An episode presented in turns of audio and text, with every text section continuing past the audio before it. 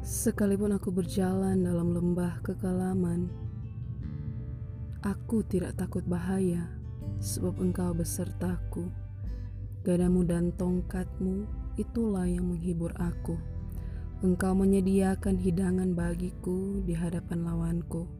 Engkau mengurapi kepalaku dengan minyak, pialaku penuh melimpah.